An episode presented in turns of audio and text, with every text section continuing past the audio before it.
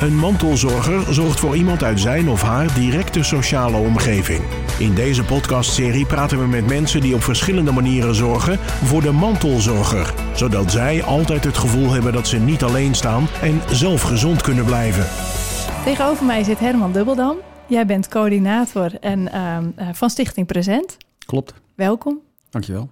Bij ons in de studio is ook Richard. Hallo Richard. Hoi. Hallo. Herman, jij bent dus coördinator van Stichting Present. Wat is Stichting Present precies? Ja, Stichting Present is een, eh, een vrijwilligersorganisatie die eh, ontstaan is in de jaren 2004-2005 in Zwolle. Eh, wat er toen gebeurde in Nederland was dat de, de wet op de maatschappelijke ondersteuning kwam, de oude wetgeving.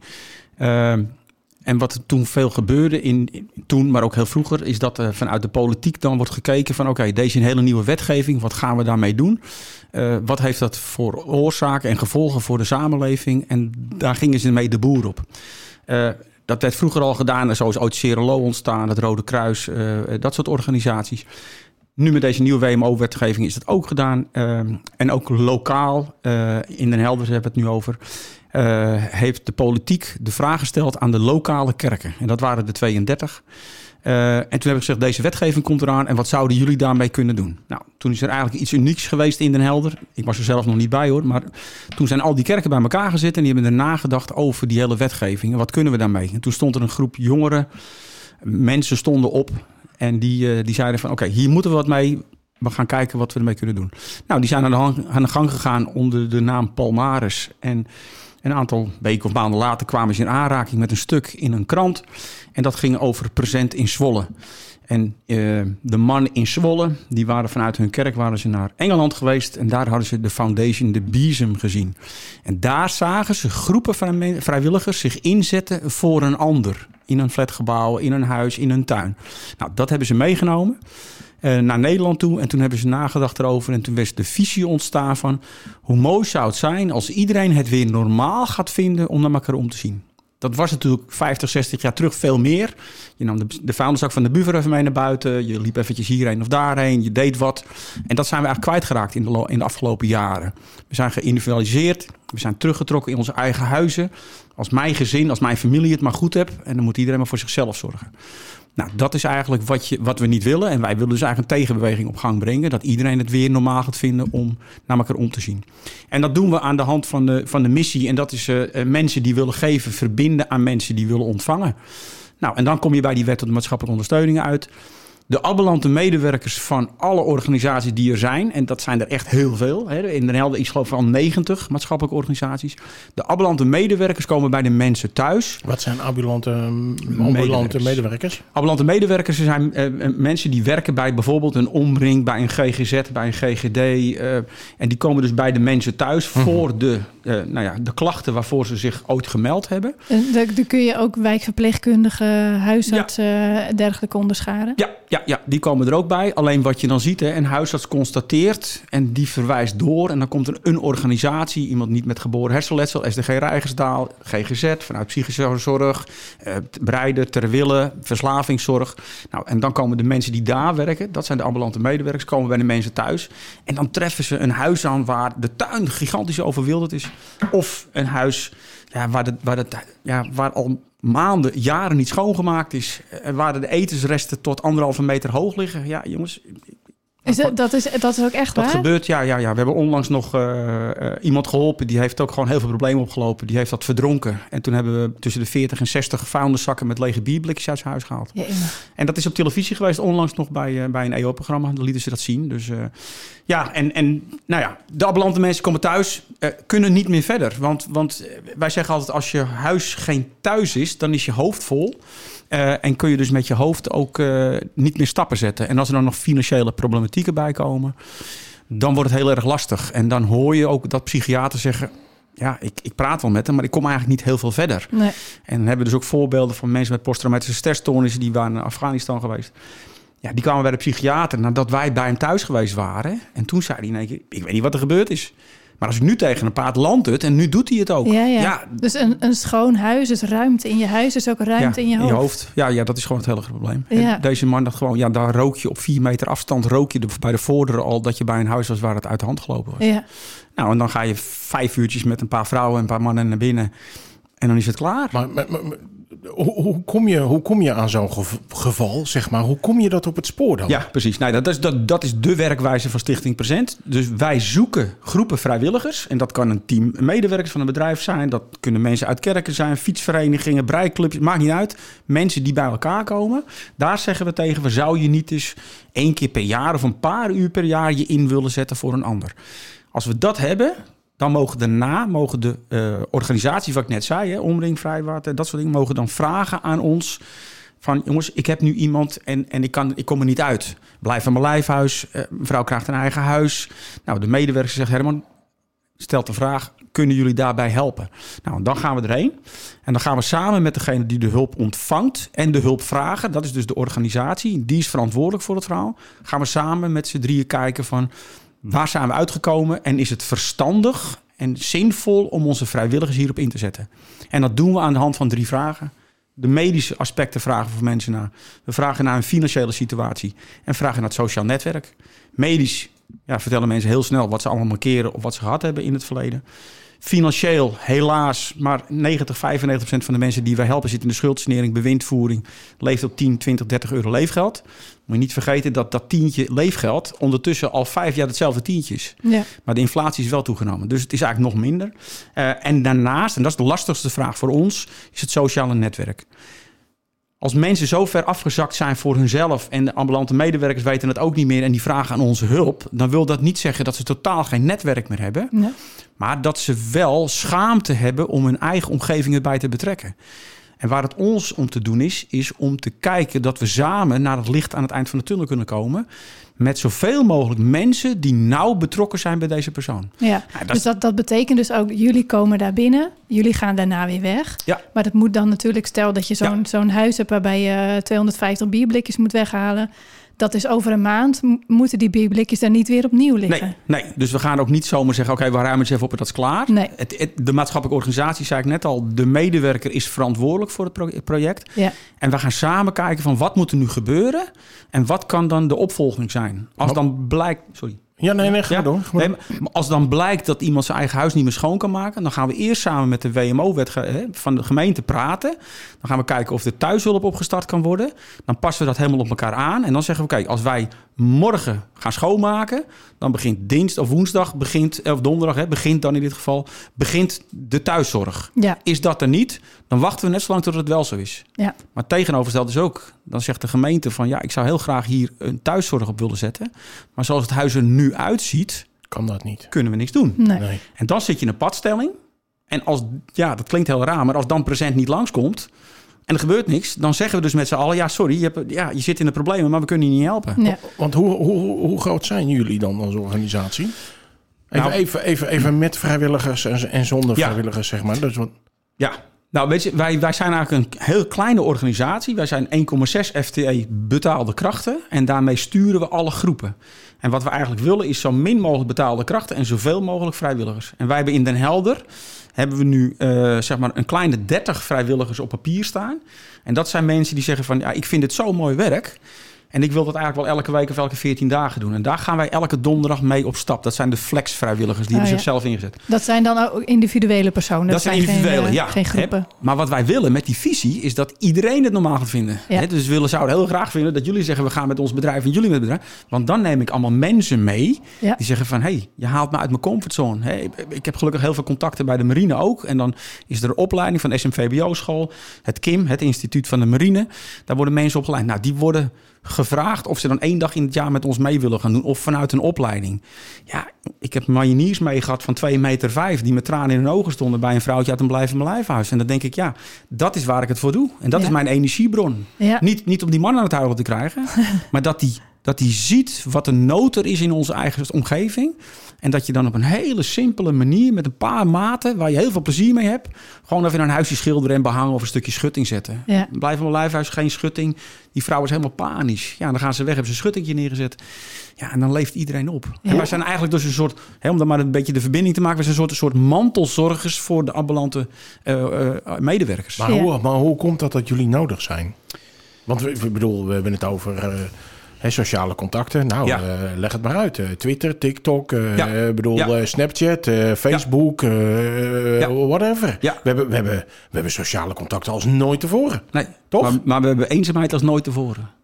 Er zijn heel veel mensen ja, die, die zijn eenzaam. En, en het vervelende is dat eenzaamheid zich natuurlijk niet zomaar laat duiden van... oké, dat is je eigen schuld. Hè? Maar, maar sociale eenzaamheid, daar zeg ik altijd wel een beetje... soms moet ik wel wat zwart-wit zeggen, maar daar kies je zelf voor.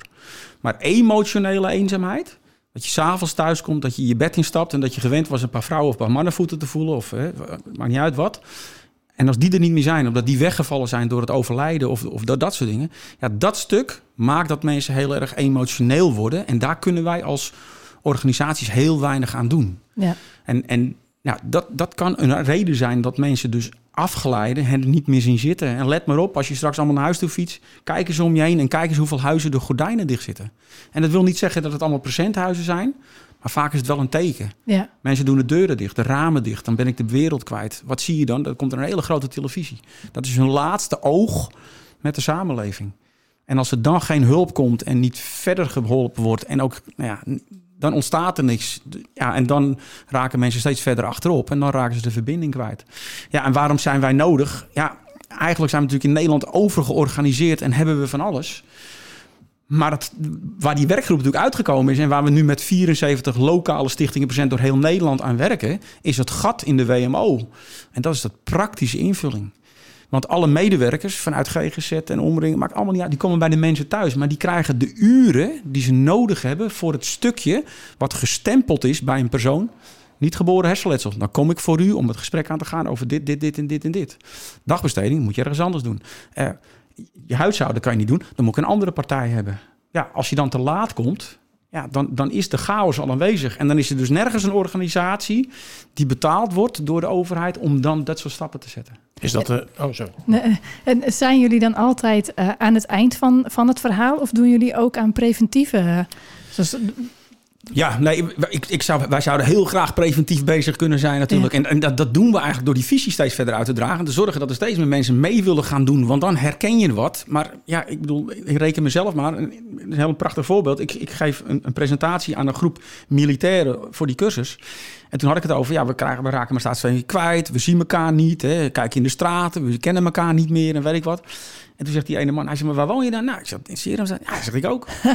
ja. Dus er zat een man bij me in de les, en, of in, de- in, de, in de presentatie. En die woonde dus tien huizen bij me vandaan. En ik wist het niet. Nee. Hè, dus ik ben helemaal niet beter als de rest. Maar, maar, maar dat is wel onze samenleving anno 2021. Wat, wat zouden we dan moeten doen Al- als we naar onze eigen straat kijken? Wat zouden we moeten doen voor die preventie?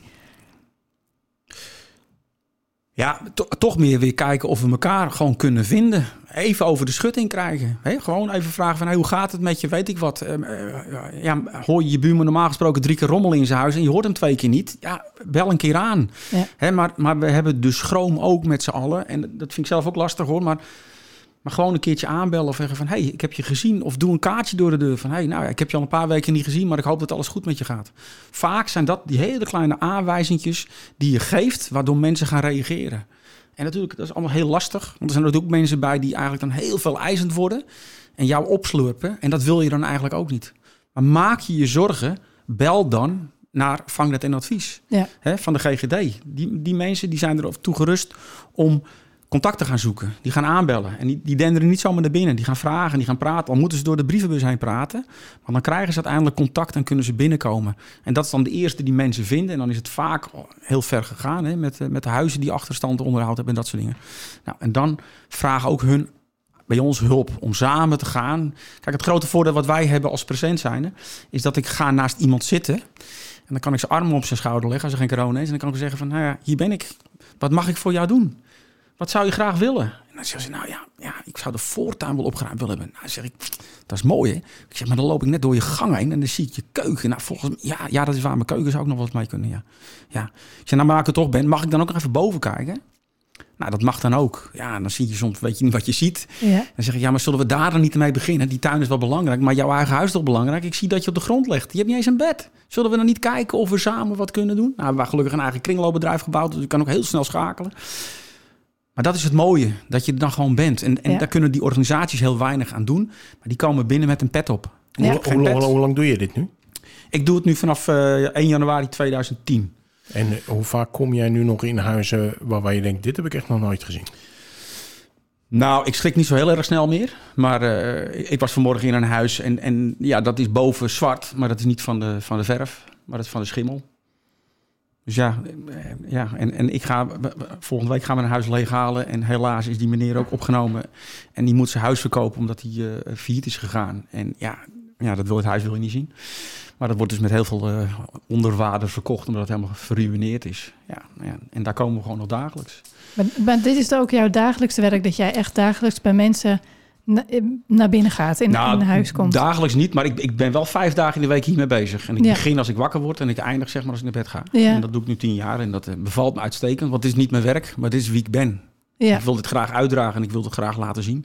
Dus vanuit mijn nou ja, praktiserend christen zijn, zo, zo kijk ik tegen de wereld. En ik wil graag voor iedereen er zijn, zolang ik dat kan. En, Ja. en dan nou ja, die hand bieden. En hopen dat er steeds meer mensen mee gaan denken. Die zeggen, van, ah, dat vind ik ook mooi om te gaan doen. Ik wil me aanhaken. ja. En dat is, dat is wat ik dan eh, zeg maar met hun, eh, met hun doe. En, eh, en dat doen we nu ook met dat kringloopbedrijf. En dan zijn we samen met 100 vrijwilligers. En dat zijn ook weer mensen die we met present geholpen hebben. En die uiteindelijk hebben we die weer in de benen gekregen. En die doen nu weer wat stapjes op het vrijwilligerswerk. En dat mogen ze overal doen, maar ook bij ons. En is het dan ook lastig om al die vrijwilligers te vinden? Ehm, nou ja, weet je wat, je hebt wat sites als Noordkop voor elkaar. Ja. Nou ja, we zijn natuurlijk vanuit kerken ontstaan, dus dan geef je ook wel je signalen regelmatig af. We zijn ondertussen nu aanstaande dat, 17. dat jullie door kerken zijn ontstaan, weet iedereen dat? Of, Nou, is dat wel eens een drempel? Nou, het is geen drempel, hè, want, want ieder mens is waardevol en ieder mens doet het toe. En Ja. we kijken niet naar kleur, geaardheid of weet ik wat. Wij nee, komen... ander- andersom bedoel Andersom ik dan ook. weer. Ja, precies. hè. Nee, maar dat is op zich geen, geen drempels. Nee. Ehm, eh, dus dat, nee, dat valt er mee.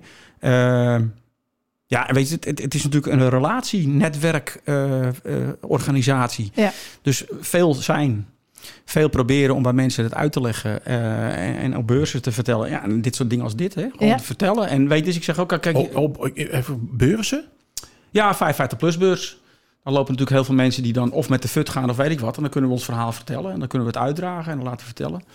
Scholen gaan we vaak heen. Eh, met die kinderen doen we samen projecten. In de corona hebben we duizend ansichtkaarten door Den Helder heen verdeeld. Die hebben de scholen gemaakt en die hebben dan samen weggebracht. Leuk. Ja. Weet je wel, dus, dus we proberen van jong tot oud. En als mensen zeggen, ja maar ik ben al 75. Maakt niet uit. Je bent waardevol en je hebt een talent. En die kunnen wij heel goed inzetten bij een ander. Hey, ik heb altijd het voorbeeld, we een paar jaar terug met die groep jongeren hebben we bij de Koog eh, mensen opgehaald. Hè, dus verzorgingstehuis in Den Helder. Hebben we mensen opgehaald, zijn we een rondje wezen lopen. Eh, nou, om het gebouw heen, toen een kerkgebouw en wat lekker groot is, daar naar binnen toe hebben we lekker een kopje koffie met een, eh, met een tompoes gegeten. Kinderen hebben een stukje Sound of Music opgevoerd met een stukje film erboven. Hartstikke leuk. En weer terug. En toen hebben we mensen teruggebracht. En toen was er één meneer in zijn rolstoel die zat met te huilen. Dus toen hebben we gevraagd aan hem van nou, vond je het niet leuk? Wat, nou, hij zegt, ik vond het fantastisch. Hij zegt, maar weet je wat vervelend is? Hij zegt, ik ben vorig jaar september naar binnen toe gerold in dit huis. En het is nu mei. En het was zulk weer zoals het vandaag is, bijna 30 graden. Hij zegt, het is de eerste keer dat ik nu weer buiten ben sinds september. Ach. Maar hij was zijn leven lang bolleboel geweest. Nou, dan, ja, dat, dat geeft mij nog steeds kippenvel. Maar dan denk ik, ja, daar gaat het om. En daar kan En, en, wat, iedereen en, aan wat, en wat doe je dan met zo'n meneer? Nou ja, dan praten we verder en dan, en dan komen de verzorgsters en dan wordt hij naar zijn kamer gebracht, weet je wel. Maar dat is wel voor ons elke keer het signaal van jongens, let Ja. op. Je hoeft niet zo heel erg ingewikkeld te doen. Je hoeft niet altijd te schilderen, te behangen en laminaat te leggen. Doen we heel veel. Maar ook dit soort kleine dingetjes. Ga op Noordraven met die mensen daar gezellig een keer barbecuen. Het klinkt heel raar, maar die mensen die... Ja, sommige... De eerste keer dat ik meeging in 2010 gingen we barbecuen. En het vlees werd gemalen, er werd ketchup en mayonaise bij gedaan. En het ging in een beker en ik kreeg een lepel. Nou, die was zo groot als een pollepel. En toen moest ik het bij die mensen gewoon... Ja, sorry, maar achterin een strot duwen. En als ik dat niet had gedaan, dan zouden ze stikken. Maar omdat ik het zo verder in moest duwen, ging het, konden ze het slikken en was het weg. hadden muziekje aan, er waren een paar leuke slingertjes erbij. Het stelde heel weinig voor. Mensen hebben het er maanden over gehad. Die Ja. waren helemaal... Ja, dat, dat kunnen we met elkaar doen. Ja. Hè? En, en ja, ja, dan denk je, ja jongens, het is zo simpel. Twee uurtjes van je tijd. Hoeveel uren zitten er in een jaar? 3000 zoveel? Of 4000? Nou, twee uurtjes. Doe wat voor een ander. En, en je krijgt er zoveel voor terug. Wij kunnen niks geven. Onze vrijwilligers krijgen helemaal niks. Ja, een verjaardagskaartje. Maar voor de rest kunnen we niks. We kunnen geen vrijwilligersbijdrage betalen. Maar dat geld hebben we gewoon niet. Maar het gevoel wat je erbij krijgt en wat je eraan overhoudt, dat raak je nooit meer kwijt. En ik heb oude militairen gesproken na tien jaar. Ja, die zeiden ook, ja, dat had ik nog nooit meegemaakt. Ik Nee. wist niet wat ik tegenkwam. En ik wist niet dat het in Nederland was. Nee, precies. En dat is natuurlijk het, het, het, het meest schrijnende daar, dat we het van elkaar niet weten dat het er is. Hè? En, en eh, dat geldt het dan alleen voor ouderen? Zijn het vooral ouderen met een, met een hulpvraag? Nee, nee, nee, nee. Ook heel veel jongeren. En die wordt ook alleen maar groter. Hè? En als je nou de onderzoeken bekijkt hè, over eenzaamheid, hadden we het net. Hè? Eenzaamheid bij ouderen is, was, was een twee, drie jaar terug in Den Helder 58% bij ouderen. Maar 56, 58 procent? En 56% van de jongeren tussen 12 en 18 geeft aan zeer eenzaam te zijn. En dat is natuurlijk een veel gevaarlijkere categorie. Met alle respect voor de ouderen. Maar deze jongeren zouden eigenlijk nu naar buiten moeten gaan. En die zouden moeten ontwikkelen. En die zouden dan moeten helpen om de eenzaamheid bij ouderen op te kunnen lossen. En nou, even voor mezelf. Kan je die groepen niet combineren?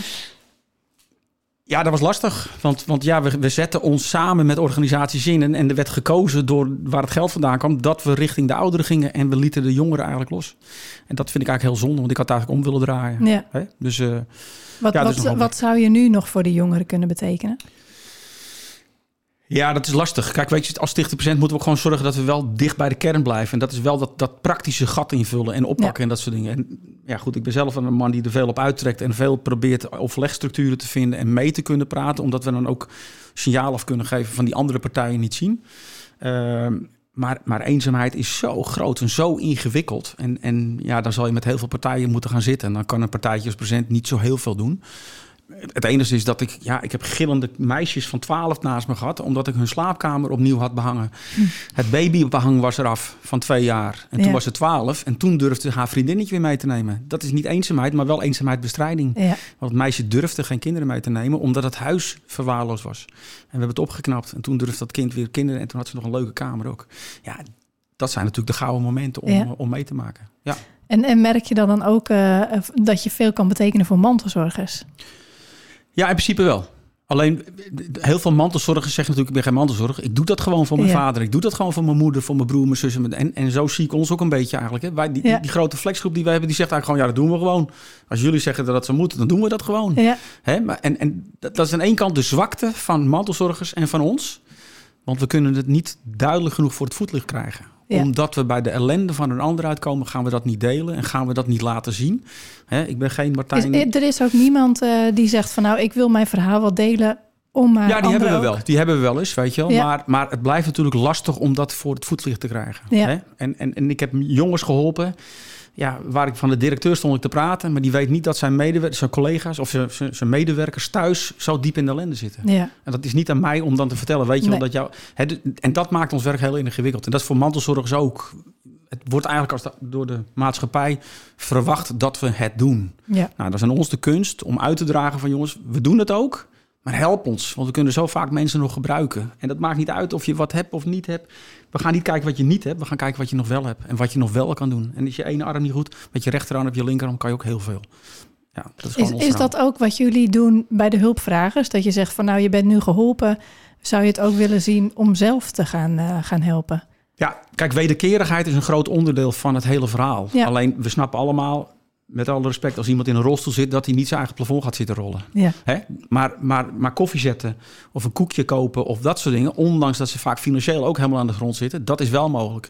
En wat je dan krijgt, en dat is eigenlijk het belangrijkste van de dag, is gewoon zitten en met elkaar van, hey, wat gaaf dat jullie hier zijn. Maar hoe komt dat nou eigenlijk? Wat, wat, wat zou er nog kunnen betekenen? En wat, wat is er dan gebeurd? En, en, en dan vertellen mensen hun hele verhaal. ja, Weet je, wel? en dat is juist waardevol om mee te nemen voor je eigen leven, voor je eigen gezin en voor je mensen om je heen om dat te delen. En zo elkaar te helpen. ja, Dus eh, ja, nee, dat stukje wederkerigheid is eigenlijk een van de belangrijkste aspecten. Het werk is bijzaak. Het gaat om het contact en een ontmoeting. En daar moeten we met z'n allen vanuit verder leven. En daar vandaan nou, dan kom je ook veel verder. En wil je het ook veel vaker gaan doen. En dan stap je gewoon over dat bakje nasi heen... wat al drie, vier maanden op de grond staat... wat Ja. helemaal blauw is van de plus. Dat maak je dan niet meer uit. Dat pak je Nee. op en doe je in de vuilniszak. Nee, precies. Dankjewel Herman. Ja, we zijn echt eh, aan het eind gekomen. Dus ik moet je nu ook echt onderbreken. Ik denk dat je nog wel veel langer had willen doorpraten. Ja, er zijn nog wel een aantal onderdelen waar je het over kan hebben. Maar ja, dit, dit is present, maar het is nog veel breder. Maar, Ja. ja. ja, precies. Ja, nee, maar ik nou. vond het leuk om te doen. Mooi, dankjewel. En wil je nou nog meer weten over dit onderwerp? Ga naar onze website mantelzorgcentrum.nl. Bedankt voor het luisteren. Tot de volgende keer. Dit was Mantelzorger. En nu een samenwerking tussen Streekstad Centraal en het Mantelzorgcentrum. Meer informatie over mantelzorg is te vinden op mantelzorgcentrum.nl.